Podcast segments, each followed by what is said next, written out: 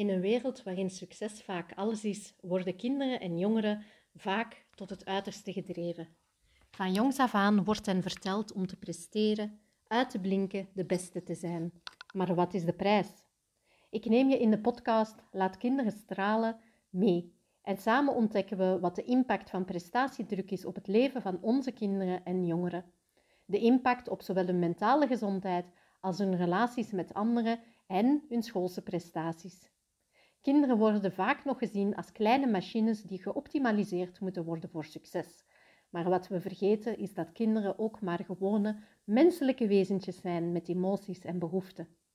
Hoe kunnen we onze kinderen en jongeren helpen gedijen in een prestatiegerichte wereld?